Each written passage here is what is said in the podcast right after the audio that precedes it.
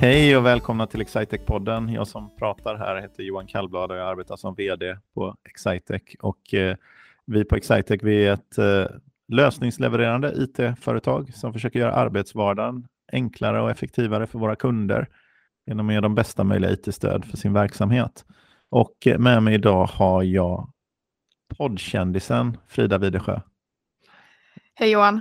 Hej. Eh, poddkändisen känd från två poddar, till skillnad från jag som i huvudsak är känd från Excitec-podden. Eh, jag poddar lite, jag har poddat några ja. andra gånger eh, faktiskt också med några andra poddar, men du har ju en egen annan poddsatsning. Det har jag. Eh, på tal om marknadsföring. Det, det, det, är inte lika många avsnitt som Excitec-podden, men några avsnitt är det i alla fall. Vi har mm. släppt 18 eh, stycken nu. Så att vi har ändå hållit igång ett, eh, ett bra tag. Ja, det kanske är den näst, jag tror den här gamla mobilpodden vi hade förr i tiden, den blev nog några fler avsnitt, men du kanske är, nu har kommit upp på tredje plats i uthållighet bland Excitec-poddar, tror jag. Ja, men det känns som att vi har eh, fått upp eh, någon typ av bra grej som vi kommer kunna fortsätta med. Så känns, eh, som känns, känns rimligt att eh, klara av att rodda i. Och det är ju det digitala som gör att eh, det funkar. Det hade inte mm. funkat att träffas och spela in. Det går inte. Det är ju intressant det där ändå med eh, både poddandet, för det känns ju som strukturen i hur man gör det har ju ändrats mm. en hel del. Det brukade vara att man hade fysiska möten. Eh, vi i alla fall när vi poddade hade fysiska möten och ljudtekniker och sådär. Och nu, mm. nu har vi ju, eh, du har ju försett mig med en fin fin mick här som jag emellanåt glömmer bort eh, att använda, men som jag använder nu. Och eh, vi, vi har väl övat på det här och du brukar ju spela in i ett eh, program som du kan redigera. Så det skulle vi kunna prata om någon gång, hur man gör, mm. en, hur man gör en podd och tips. Jag fick den frågan av en investerare faktiskt som jag var och träffade för någon vecka sedan. Eh, de funderade på att dra igång en poddsändning och då berättade jag lite hur vi jobbade med det och för, för att få det att bli naturligt liksom och inte, ta, mm. inte bli en arbetsuppgift till vid vid eh, sidan om. Men du, det här, vi skulle göra ett litet, ett litet re, en liten resedagbok tänkte vi ju, en liten, ett litet reseavsnitt av Excitec-podden. För vi, när vi satt och pratade igenom vad det är som händer som är nytt och så vidare, vad är intressant att prata om. Och vi har ju haft många traineer, bland mm. annat som, som eh, vi, vi har träffat och sådär. Och, eh, men, men den stora saken som är ny för oss, förutom att vi är en väldigt massa fler kollegor och även i ett till land, och så där så är det en stor sak för oss att vi har börjat resa igen mm. och börjat träffas mer, mer fysiskt igen. Och då tyckte Frida och jag att vi skulle göra en liten resedagbok som ämne. Och sen vet vi inte riktigt hur man gör det, för vi har inte gjort det förut. Men Frida, var är du någonstans? Just nu sitter jag i, eh, i eller på Fornebu utanför Oslo. Eh, det ligger precis strax utanför. Det är en 20 eh, minuter med bussen kanske in till Oslo. Och det är för att vårt kontor ligger eh, en lite längre bit ut från Oslo. Så att, eh, det är väldigt smidigt att bo här. Då, då, då har jag nära in till Oslo och nära till kontoret. Så det funkar bra. Um, och eh, jag hänger här rätt så mycket nu. Jag är här ungefär tre, tre eller fyra dagar i veckan. De senaste veckorna har det blivit. Så att, eh, jag känner mig lite hemma här nu faktiskt. Du har jobbat upp dig till 100 eh, kronors kupongen i, i, ja. i, vad heter det, Scandics lojalitetsprogram. Ja, men det är också att jag glömmer alltid skriva in äh, min, äh, min poäng, eller min sån här, mitt, mitt nummer när jag bokar hotell. Så att jag ja. får ju inte alla, allt tillgodoräknat. Men... Du kan skriva in det när du, när du checkar in. Uh, ja, det visste jag inte förrän nu. Nej, det, det, vet jag att man kan. För det fanns nämligen en tid innan, det här kan vara chockerande för några, men det fanns en tid innan då man inte alltid bokade hotellrum online utan man, eh, man checkade in, man bokade kanske muntligen eller något sånt och sen så, eller ringde dem och sen så checkade de in och då visade, brukade de visa sitt kort i det läget. Så det går mm. fortfarande. Och man behöver inte ha med kortet heller för de kan söka på, de kan söka på ditt telefonnummer. Oj, kolla. Nej, men alltså, ja, det har jag aldrig tänkt. Jag har aldrig tänkt tanken. Jag, och jag är för disträ när jag kommer fram alltid. Då är så här, kört i fyra timmar, bara, ja. ge mig kortet. Vet du vad? Jag tror till och med på Scandic att du kan efterregistrera. Inte för att få dem, men för att få poäng. Du kan inte få dina restaurangvouchers i efterhand, det tror jag inte. Men, men eh, du kan få dina poäng. Det är ett bra tips. Det är, ja, då är det det jag få... gör för hela, hela hösten här nu då. Ja, och då kan du få förhöjd status i programmet och får du förhöjd status så kan du kvalificera för 150 kronor tror jag i restaurangvoucher. Men jag har tappat status i alla mina sådana här, eh, i alla mina såna här reseprogram för jag har nästan inte rest någonting. under eh, ett och ett halvt år. Ju. Men nu har du börjat resa igen. Nu har jag börjat resa igen, ja. Och var, var... var, har du varit någonstans Johan? Jo, men jag var till exempel så har jag varit alldeles eh, häromdagen så var jag ju precis där du är. Inte, inte exakt samma hotellrum om du inte hade rum, nu ska vi se, 455 tror jag att jag hade. Men, eh, men eh, jag var på samma hotell, jag var i Oslo ett par dagar och sen innan det så var jag i eh, eh, faktiskt i Frankfurt och i Stockholm och mellanlandade i Köpenhamn på vägen dit. Det var jag i. Så det, var, det kändes lite extra ovanligt för vi har ju en medveten policy att flyga så lite som möjligt. Mm. Eh, så därför har jag inte gjort, vi har en del investerare i, i Frankfurt. Då. Det är ju lite Mellaneuropas finansiella centrum kan man säga. Mm. Så vi har en del eh, finansiärer, eller finansiärer, investerare snarare, som är som eh, håller, håller till i Frankfurt och vi har egentligen inte träffat dem eh, någonting mm. rent fysiskt. Men, men så någon gång, svaret är ju inte att aldrig träffas fysiskt eh, antagligen. Så vi gjorde faktiskt ett undantag också specifikt för eh, att Peter Wiberg som är styrelseordförande hade inte träffat dem ens digitalt en del. Så att mm. jag och Peter eh, tog en tur ner till Frankfurt och Köpenhamn och Stockholm och träffade lite investeringsföretag.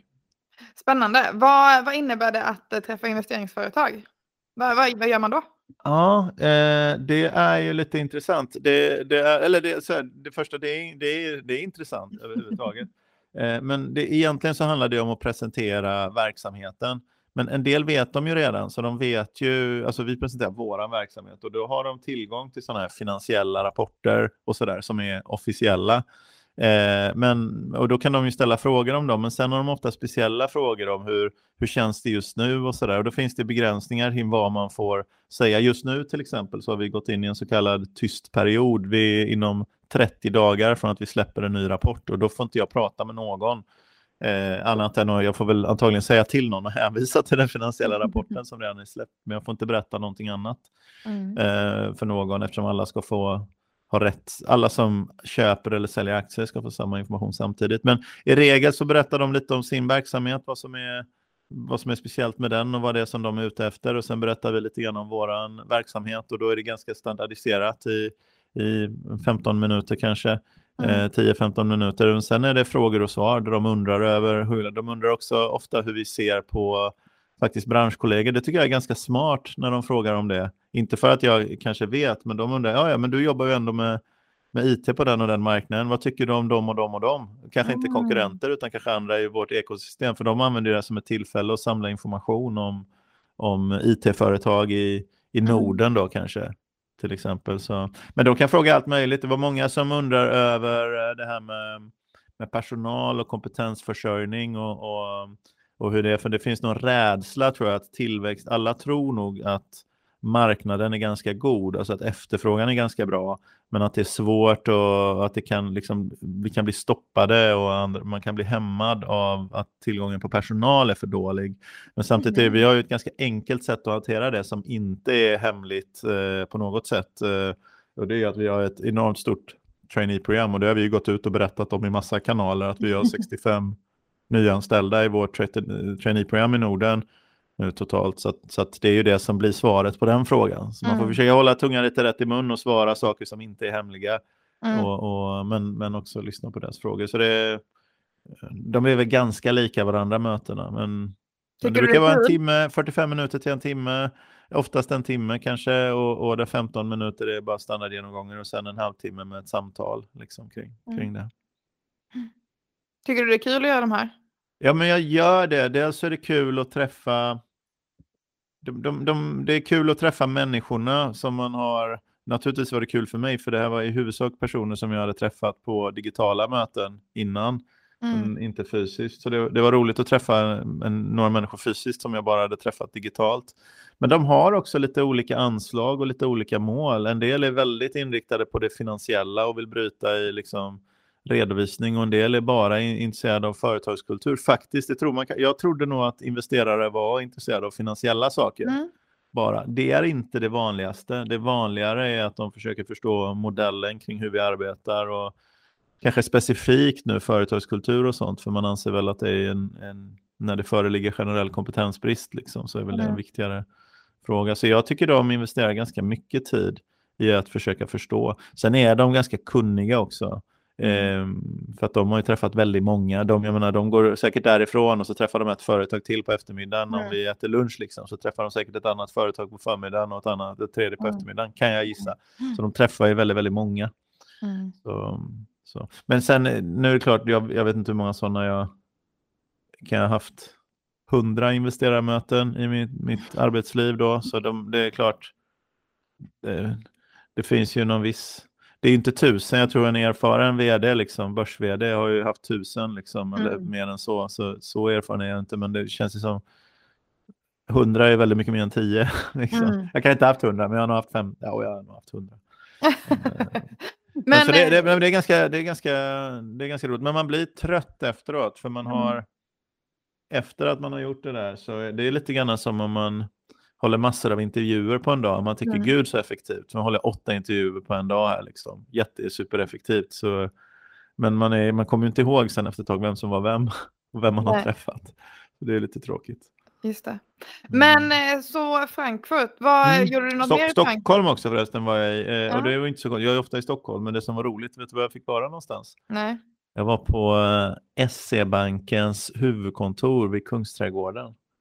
Okay. Det, det, var lite, lite fascinerande. Jag hade ett litet moment där. Jag, jag hoppas jag inte berättat det här för dig innan. Så att det blir, nej, jag har inte hört om det här. Nej, nej, nej men jag var, jag var uppe där och eh, så går man in via det. Och det var för att sitta där hela dagen också. För de hjälpte oss med de här investerarpresentationerna. För någonstans, SEB är vår husbank då, så de hoppas ju om, om någon ska köpa, om vi ska släppa nya aktier eller sånt, kanske för att finansiera något förvärv eller så, så, så hoppas ju de att de ska få hjälpa oss med det, för då får de några procent i provision. Liksom. Så det är mm. bara, de vill vara kompisar med oss och de vill att investerare tycker om oss och det ska bli enkelt för dem. Och, mm. och det, det, ska bli enkelt för oss att välja dem som rådgivare i någon sån transaktion och det ska bli enkelt för dem att göra jobbet också, så där, om det skulle bli aktuellt. Um, för övrigt för eventuella lyssnare, om det skulle bli aktuellt så kommer jag inte berätta om det här, utan då kommer vi släppa den informationen på session till alla samtidigt. Så, så eh, men det är rent, liksom, någon gång i någon framtid kan det vara aktuellt, man vet ju aldrig. Eh, men då, då så eh, hade de satt upp det, men då går man in genom den här fina dörren där det knappt står SCB alls. Men jag har kollat liksom adressen så jag vet att det är deras hus, men det är liksom mm. inga stora loggor så här, så glider man upp och så går fram till disken och säger hej till Johan, jag ska träffa, och så nästan hinner jag inte säga, de, ingen slår i någon dator eller någonting, utan det var så här, ja välkommen, då ska du gå upp här en halvtrappa upp till vänster. Mm. Så gå upp för halvtrappan upp till vänster, där är det en ny reception, och då säger jag, hej jag heter Johan, ja du ska ta hissen här och gå upp till våning tre. Fortfarande ingen som slog i datorn. Så gick jag in i hissen, åkte upp till en våning, kom ut till ännu en reception där det också var bemannat. Jag frågade, ja, hej jag heter Johan, jag ska träffa Maria. Så här. Och då, och, och då säger ja du ska in till rum nummer 11. Fortfarande ingen som har slagit i någon dator. Liksom, så här, skriv in dig här så ringer vi på dem. Inget sånt, utan jag blev liksom guidad av... Eh, hur gick det här till undrar jag? De slog inte i datorn.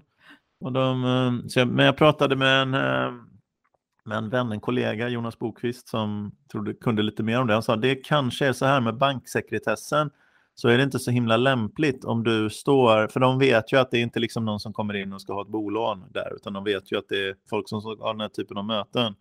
Och det är inte så lämpligt att, du, att man står i en kö liksom vid receptionen bredvid varandra och säger hej, hej, jag heter liksom, jag kommer från Atlas Copco och jag ska träffa mm. liksom, Investor och du ska träffa, sådär.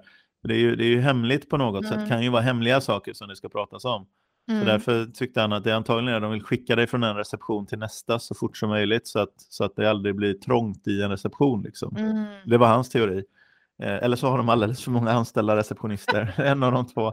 Eh, men de har väl då, de vet väl exakt vilka som kommer så de har väl läst det och så vet de direkt. Så när de där kommer skickar de dit fort som möjligt. Mm. Jag har varit ändå lite impad. Ja men det, det är väldigt eh, härligt faktiskt. Du, ja. du, det är ju nästan som att du är igenkänd. Ja, fast jag känner mig faktiskt inte igenkänd ändå. Men jag kände så att jag skulle vilja stå nere i receptionen och titta på de andra som kom in. Och se om någon var igen. Men det, det är väl precis det som man inte får. Det ska man nog inte, nej. nej. Väck med honom, så. Mm. Annars var det inte någon, annars var det inte något särskilt eh, eh, liksom i, i fråga om, det, det kändes lite konstigt för de här miljöerna. Det är väldigt högt i tak och tavlor och sådana där saker. Det ser inte alls ut som våra, på vårt kontor. Liksom. Det är inte en, en IT-företagsmiljö. eh, var det inte liksom tunga stolar och sådana där saker är det. Så det kändes ju lite ovant på det sättet. Men det, det är var, kändes... väldigt eh, representativt för IT-företag att man fokuserar på enkla och lätta stolar. Det ska ja. vara snabbt att flytta dem. ja, och vi flyttar ju runt så mycket också. Det är ju andra företag så man flyttar och byter och jobbar i flera arbetslag. Så man vill gärna ha samma stol på olika rum så det inte blir någon issue också egentligen gärna. Nej, men man vill ju helst det, så att det, blir, så att det inte blir, om man har en stol som funkar bra så ska inte liksom problemet att lösa, vi ska inte börja lägga fokus på, på stolen, på, på stolen utan det ska bara funka snabbt och effektivt. Och mm. Det är mycket sånt som, som vi jobbar med. Mm. Så, men, men ja, annars är det speciellt. En sak som jag funderat på med kontor mm. är det här med du vet, eh, sådana representativa kontor då, som det kallas. Det har ju varit en det har ju förekommit en tid att kontor har blivit lite mer som hemmamiljö skulle jag väl tycka. Ja. Typ de här, och speciellt tidiga på det var ju de här WeWork, det är coworking mm. space. Och det finns ju alla städer med självaktning har ju ett par egna varumärken inom så här coworking eller vad det kallas för. Och en del företag, jag ska säga om vi ska namnge något företag i Sverige som jag känner till lite grann så är det konsultföretaget Concid Mm. De har väldigt eleganta kontor i fina, fina adresser. Jag vet inte om jag har varit på något Concid-kontor, men de, de, fast de, de jobbar med, Concid jobbar ju med, tror, är min uppfattning, jag kan ha fel här också, för vi, de, är ingen, de borde ju vara konkurrent, tror folk som är externa, men det är de inte. Vi träffar aldrig på dem. Jag tror de, de inte, vi jobbar ju med företagsverksamhet och de jobbar nog med företags IT-avdelningar och det är inte alls samma sak. Mm. Eh, men de är mycket framgångsrika i min uppfattning och de, de, men jag tror att de har mer personal som är ute hos kund och utför sina uppdrag, mer liksom kompetensförstärkning ute hos kund tror jag. Och att mm. de inte jobbar lika mycket på kontoren. Och då blir kontoren en viktig samlingsplats när du är mellan uppdrag och när du gör något in, internt och sånt. Och då manifesterar man mycket av sin kultur genom att kontoret är som ett hem, så man ska mm. vilja komma dit och hänga liksom antagligen när man inte måste vara hos kund. Och det är ju en ganska bra idé kanske. Ja, mm. jag tycker att eh, det, det finns en vettighet i det. Ja, det, det kanske finns en, en, eh, en balans där då. Det ska, man ska mm. också, vi jobbar ju mycket på våra kontor också. ja, det, det finns ett element att säga, ja, visst har du inget annat att komma med. Liksom. Mm. Har du ingen, ingen verksamhet, inget verksamhetssyfte som binder samman er så är det väl skönt att ni har ett fint kontor i alla fall. Ja. Men jag kan säga att SCBs kontor var inte alls som ett hem. Nej, inte som mitt hem i alla fall. du jobbar också med, med lätta stolar hemma hos dig, inte med tunga med Ja, inte kanske riktigt lika mycket klassiska. Nej, men det är väl liksom, då är det mer representativt. Då vill man nog utstråla trygghet eller något sånt där och långsiktighet mm. skulle jag tro. Och liksom, det ska vara tunga grejer för liksom, ja. du vet banken kommer finnas här. Men det är, det är väl ja, naturligt? Ja, absolut. Det är det, det, är det som, de, eh, som de ska utstråla absolut. tror jag.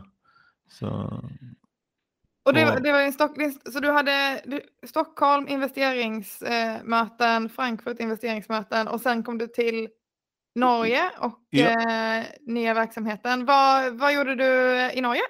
Jag hade ett, eh, dels så hade vi ett ledningsmöte som eh, behandlade lite, det skulle väl egentligen behandla strategi och sådär, lite planering, men det blir ju mest eftersom vi förvärvar ju den här verksamheten i, i maj tror jag. Eh, och, och, då är det så att det är ju mest eh, samverkansfrågor liksom, plus mm. fokus på verksamheten så som den var. Det är inte riktigt läge liksom att säga ja, nu ändrar vi massa saker för vi som är från eh, Sverige då, eller som jag som representerar som äger bolaget, eh, har ju liksom kanske inte tillräcklig grund för att veta vad det är. Man vet några saker, men ofta mm. så visste man det innan. Så är det typ att vi vill ta så stor marknadsandel som möjligt på Vismanet till exempel, den programvaran. Ja, men det visste vi ju, det var det de ville och det, det ville vi, så då kör man med på det man har.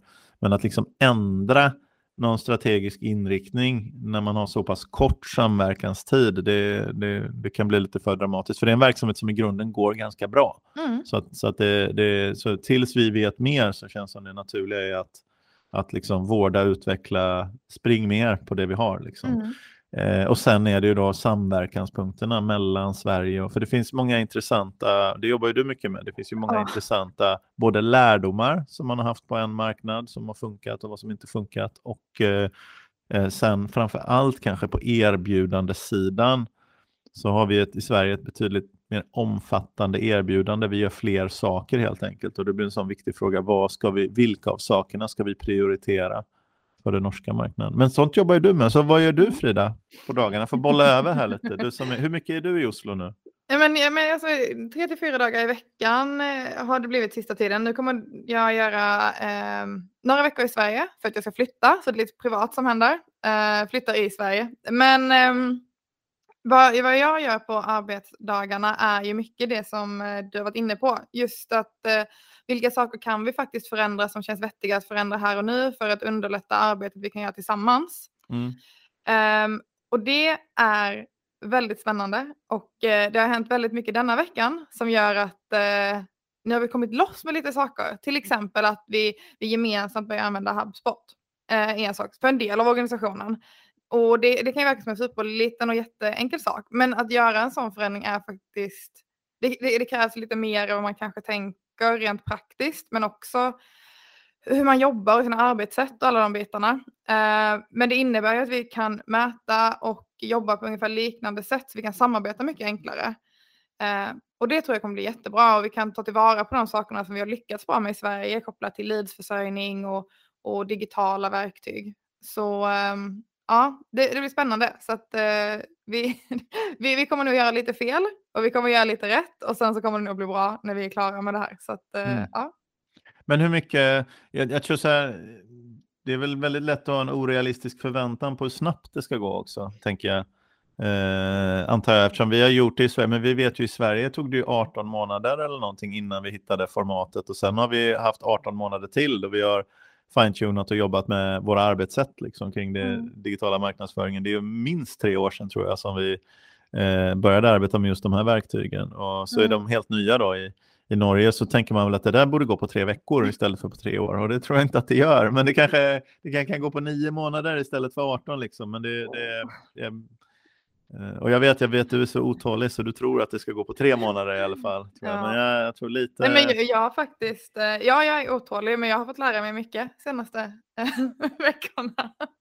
Det är ju bra. Att, men det är ja. bra att vi fattade det är bra att vi fattade beslut också ju. Mm. Eh, för det är, det är ibland det svåra att, att bestämma sig för någonting och, och säga att nu, nu gör vi det här och sen börja, börja göra det. Eller det är ofta, jag, jag är ofta inblandad åtminstone i den delen av mm. en process. Ju.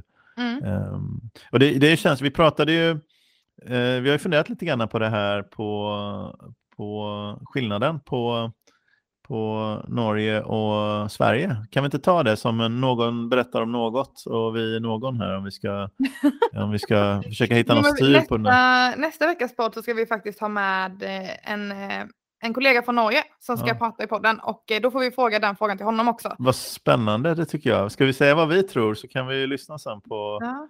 Och vad, vad, det var Erik var det va? Som skulle... Stämmer, det stämmer. Ja, vad spännande. Mm. Eh, jag eh, tycker ju att den viktigaste frågan är ju det här med lunchen. Mm. Faktiskt. Vad, vad säger du om de norska luncherna Frida? Jag är ett stort fan av norska luncher. Jag är ju ingen lunchperson. Jag äter ju så här, att äta en stor lunch är inte min grej. Så att eh, jag, jag, tror, jag har inte ätit lunch idag och nu, nu, nu är det snart liksom arbetsdagen över och jag har inte ätit den. Och det är helt okej. Okay. så, ja. så att jag, jag är väldigt nöjd med att det är en helt annan lunchkultur och man behöver inte äta så mycket. Och de, de äter ju lättare luncher, mer, mm. Eh, mer smörgås än smörgås eller lite soppa eller något sånt. Och sen, mm. Men sen slutar de tidigare. Ja, det, och det så. har jag märkt av. Ja. Och då äter man middagen tidigare. Uh, och det gör jag så... också. Så att det, jag, jag bara passar in så himla bra. ja. Så man äter, men det är inga sådana här eh, Madrid-middagar som börjar klockan 23? Nej, nej. Utan, uh, man, kan ha bokat, man kan ha bokat ett bord på restaurang klockan 17 eller 17.30 utan att det är mm. pinsamt. Absolut. Passar mig perfekt. perfekt. Ja, men då, då blir kvällen så lång, vet du. Det är liksom så här, inga hinder. Nej. Men det är lite intressant. Det är sådana små, små saker som skiljer. Det finns ju ingen praktisk, alltså människan, vi kan säga så här, eh, norrmän och svenskar är väldigt lika varandra genetiskt. Så det är ingen genetisk skillnad. Det är en, en men, men tror du inte också att det kan vara nu, nu, jag är inte helt säker på det här, vi får väl se, någon får väl faktachecka det här då. Men är det inte så att man har behövt betala för skollunchen i Norge under lång tid? Eh, men att jag, jag för mig att det ändrades precis nu liksom i det här valet ungefär och det var bara för några, dag, några veckor sedan. Men jag tänker att vi är uppväxta med att man får mat, man får varm mat, man, liksom, man ja. äter. Eh, Medan man här har kanske då packat med sig ett, ett, ett lunchpacke då. Eh, och då är det ju naturligt att det blir en enklare måltid mm. och att det hänger med en sen. Så att, hur politiken och landet styrs påverkar ju också det. Liksom. Och att man är väldigt hungrig sen ganska tidigt när man kommer från ja, precis. skolan. Nej, jag, jag, jag, har ingen aning faktiskt var, varför traditionen är sån. Annars jag tror jag den, den stora skillnaden i Norge och Sverige som är, är liksom tydlig som, som nog har påverkat saker och ting över tiden. Och det är ingen, vi låter oss fråga Erik om vad han tror om det kulturella istället för att vi, vi säger någonting. Vi gör det sen mm. eh, nästa vecka när vi pratar om honom. Men eh, vi Eh, liksom man skulle kunna, jag, jag, tänker på det här med det geografiska är ändå speciellt med de här fjordarna som går in mm. som är väldigt svåra och liksom någon, någon by som ligger vid någon annan by. Alltså det blir ganska stora, avstånden är inte geografiskt så enormt stora, de är inte större än i Sverige, de är snarare kortare än i Sverige i regel, avstånden mm. mellan dem, eller, eller liknande då. Men det kan vara väldigt svårt traditionellt i mer bergslandskap, fjordlandskap och sådär, det kan ha varit mycket svårare att transportera sig historiskt och, mm. och innan det fanns flyg, nu flyger man nog mer tror jag inrikes också. Men, eh, men liksom bilvägarna har varit mindre och även längre tillbaks, det var ju liksom svårt, det var väl sjötransport som gällde mellan många av de här mm. Eh, städerna liksom ute vid kusten och, och, och, och där, där, där, alla städerna ligger. Och det är ganska komplicerat att ta sig från en plats till en annan. Men i Sverige ja. som är mer slättlandskap, så åtminstone i södra Sverige, så har det varit mycket enklare. Och det, kan ju, det tror jag påverkar, inte maten alltså, men det påverkar nog hur Eh, dels att det blir skillnader men också lite grann hur saker och ting funkar ifall transport är svårt eller transport är mm. enkelt. Det, det, tror jag kan vara någon sån här grundgrej som på, eh, det påverkar sig, kanske inte skolmaten men det påverkar säkert vissa saker som, som kan vara skillnader. Men det märker man ju faktiskt väldigt tydligt. Det är en annan infrastruktur och då, då tänker jag framförallt på tunnelnätverket som finns här som mm. är av en nivå. Så jag aldrig, inget annat land kan mäta sig med det vet jag inte, jag har inte varit alla länder. Men alltså tunnlarna här och hela liksom hur det är uppbyggt. Det är liksom hela, men det är rondeller och du har liksom allting är ju bara tunnlar. Liksom, mm. men, men de har ju, eh, men de är ganska nya. Mm. Alltså ganska nya i betydelsen, de har inte funnits i hundratals år. um. Men eh, det, och det är ju såklart påverkat av att det är ett eh, väldigt ojämnt landskap. Det är nästan lättare mm. att köra under än att eh, mm. fixa mm. broar och, och grejer. Så att, eh, det, det är en stor skillnad. Mm. Uh, sen vet inte jag vad det påverkar uh, just hur vi kan bedriva affärer i Norge. Men... Nej. Nej, man kanske behöver fler lokalkontor. Men i övrigt kan man väl säga att det är mer, de borde ha haft mycket stor nytta då av vanan vid att arbeta med digitala verktyg eftersom mm. det är svårare att transportera sig mellan städerna. Och där hittar vi kopplingen. Där hittade vi kopplingen, ja. Det var det, det jag skulle jobba med. Men eh, kul i alla fall. Men det är kul att vi är tillbaka ut och reser lite grann. För det finns mm. en, jag fick den frågan om några traineer i, igår om, om hur jag hade upplevt det och sådär. Jag tycker någon med, med pandemi och sånt där att det finns någonting när vi är som bäst på Excitec, liksom när vi är som bäst eh, tillsammans mot varandra och med våra kunder och så här, då finns det ju någon stämning i lokalerna som gör att man faktiskt eh, känner att eh, liksom på söndagskvällen så känner man oh, snart är det måndag, snart är det måndag, snart är det måndag. liksom som en väldigt positiv känsla, inte bara kopplat till arbete, arbetsuppgifterna var ju egentligen samma när man mm. var hemma, men det är väldigt mycket härliga människor som vi, vi, som vi tar oss tid och liksom man får, man hinner känna, vi pressar, vi har ju pratat mycket om hållbarhet, liksom vår hållbarhet i relation till påverkan på miljö, vår hållbarhet i relation till eh, påverkan på företagsamhet och företagande. Som när vi gjorde en väsentlighetsanalys då, så är det en av våra viktigaste bidrag mot FNs liksom, långsiktiga hållbarhetsmål mm. är ju hur vi bidrar till företagande. Men jag tänkte på det tredje perspektivet som också blev väsentligt för oss. Det är det här med medmänsklighet. Och vi försöker ju vara en organisation där man ser varandra som människor inte bara fokusera på maximal output och produktion mm. och, och, individualism och sånt där utan jobba mycket med tillsammanshet och, eh, och eh, en, en medmänsklighet mellan oss som, som medarbetare för att man ska hålla i ett helt arbetsliv. Liksom. Mm. Eh, egentligen. Så det, det är väldigt härligt att se, att se kollegor. Jag träffade en Erik Lagerqvist som jag vet inte om han har varit med på podden, träffade honom igår här och pratade med honom. Så Erik, liksom, Lagge, vi har inte haft vi har inte pratat med varandra på ett och ett halvt år, för vi, har inga, vi jobbar inte direkt med mm. varandra, så vi har inte behövt ha det där samtalet om någonting mm. på ett och ett halvt år. Men det är konstigt, för jag brukar ju prata med Lagge en gång i månaden i alla fall, mm. normalt sett. Vi jobbar inte så nära varandra, men, men vi känner ju varandra. Vi har jobbat tillsammans i liksom mm. fem, sex, sju år.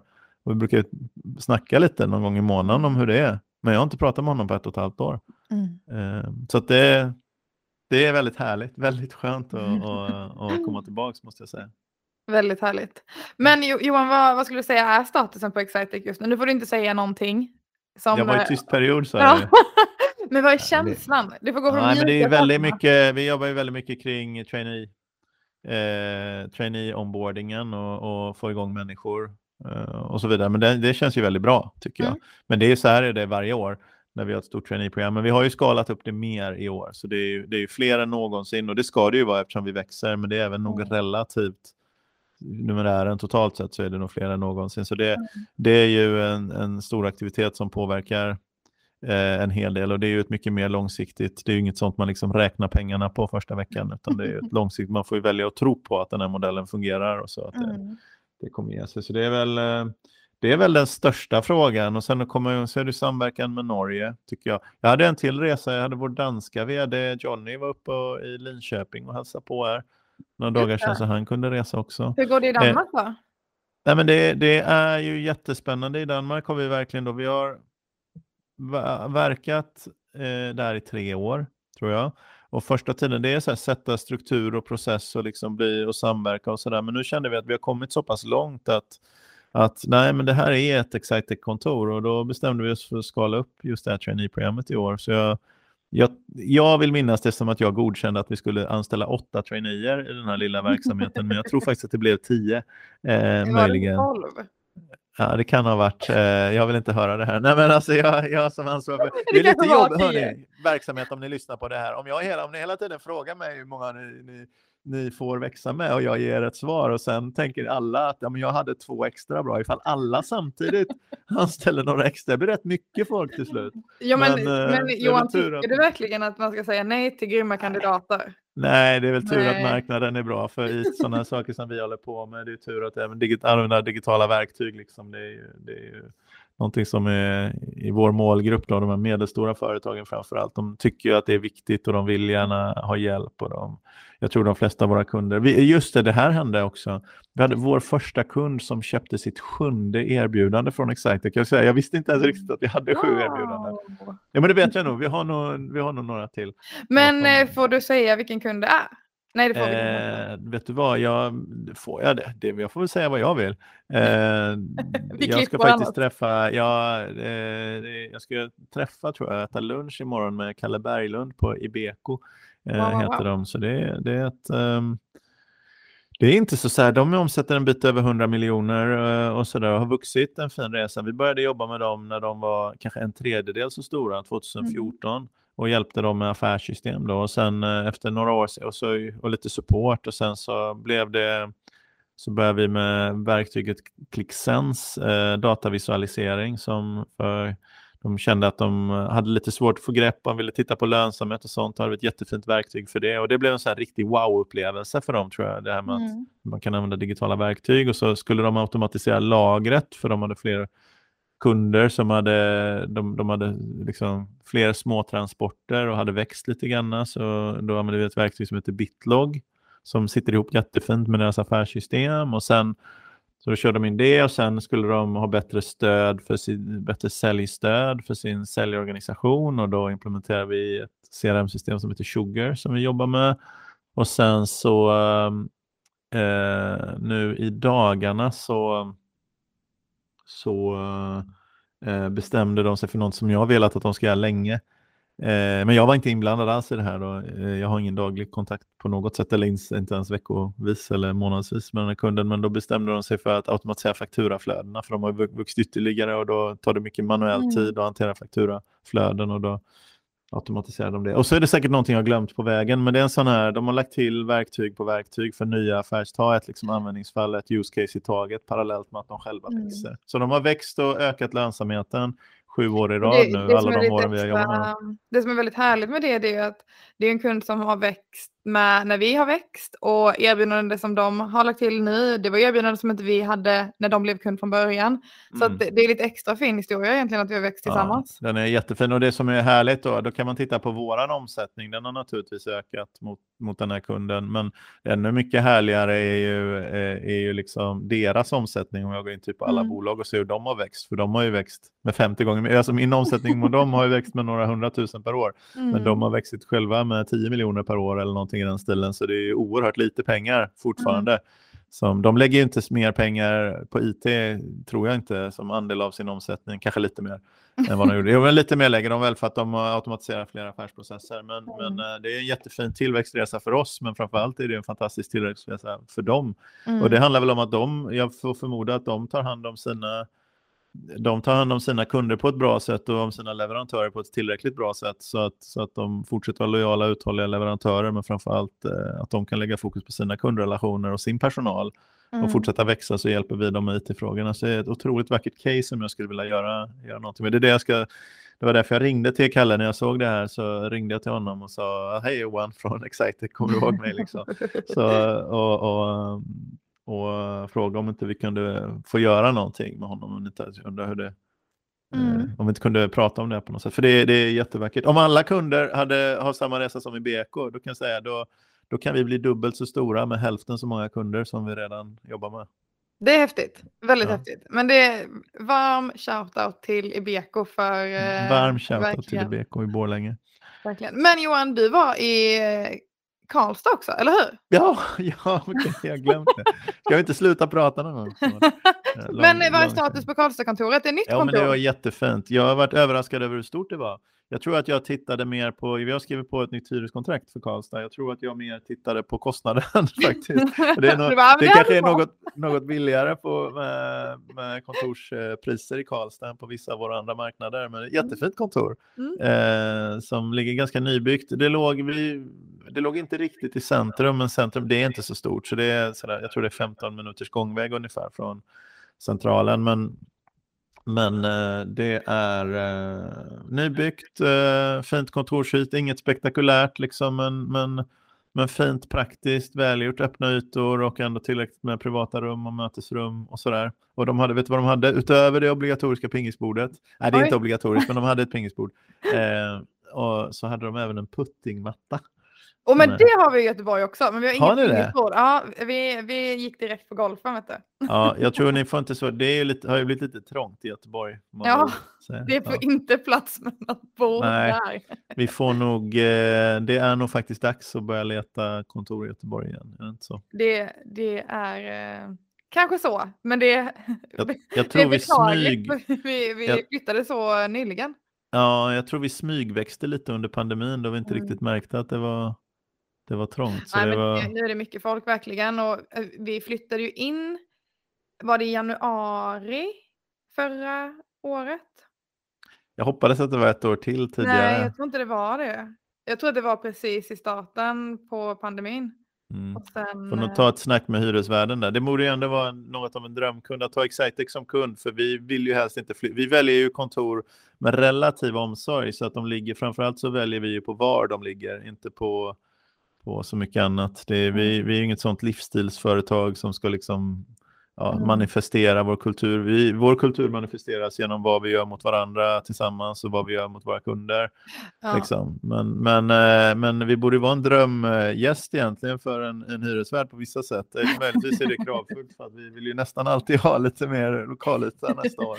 Men vi får väl kolla med våra, våra, eh, vår, våra grannar. De ligger ju vägg i vägg och jag vet att den där väggen är bara uppsatt för att vi behövde dela eh, kontoret där om de behöver lite mindre kontor så kan vi ta lite större kontor så flyttar ja, vi på den vägen.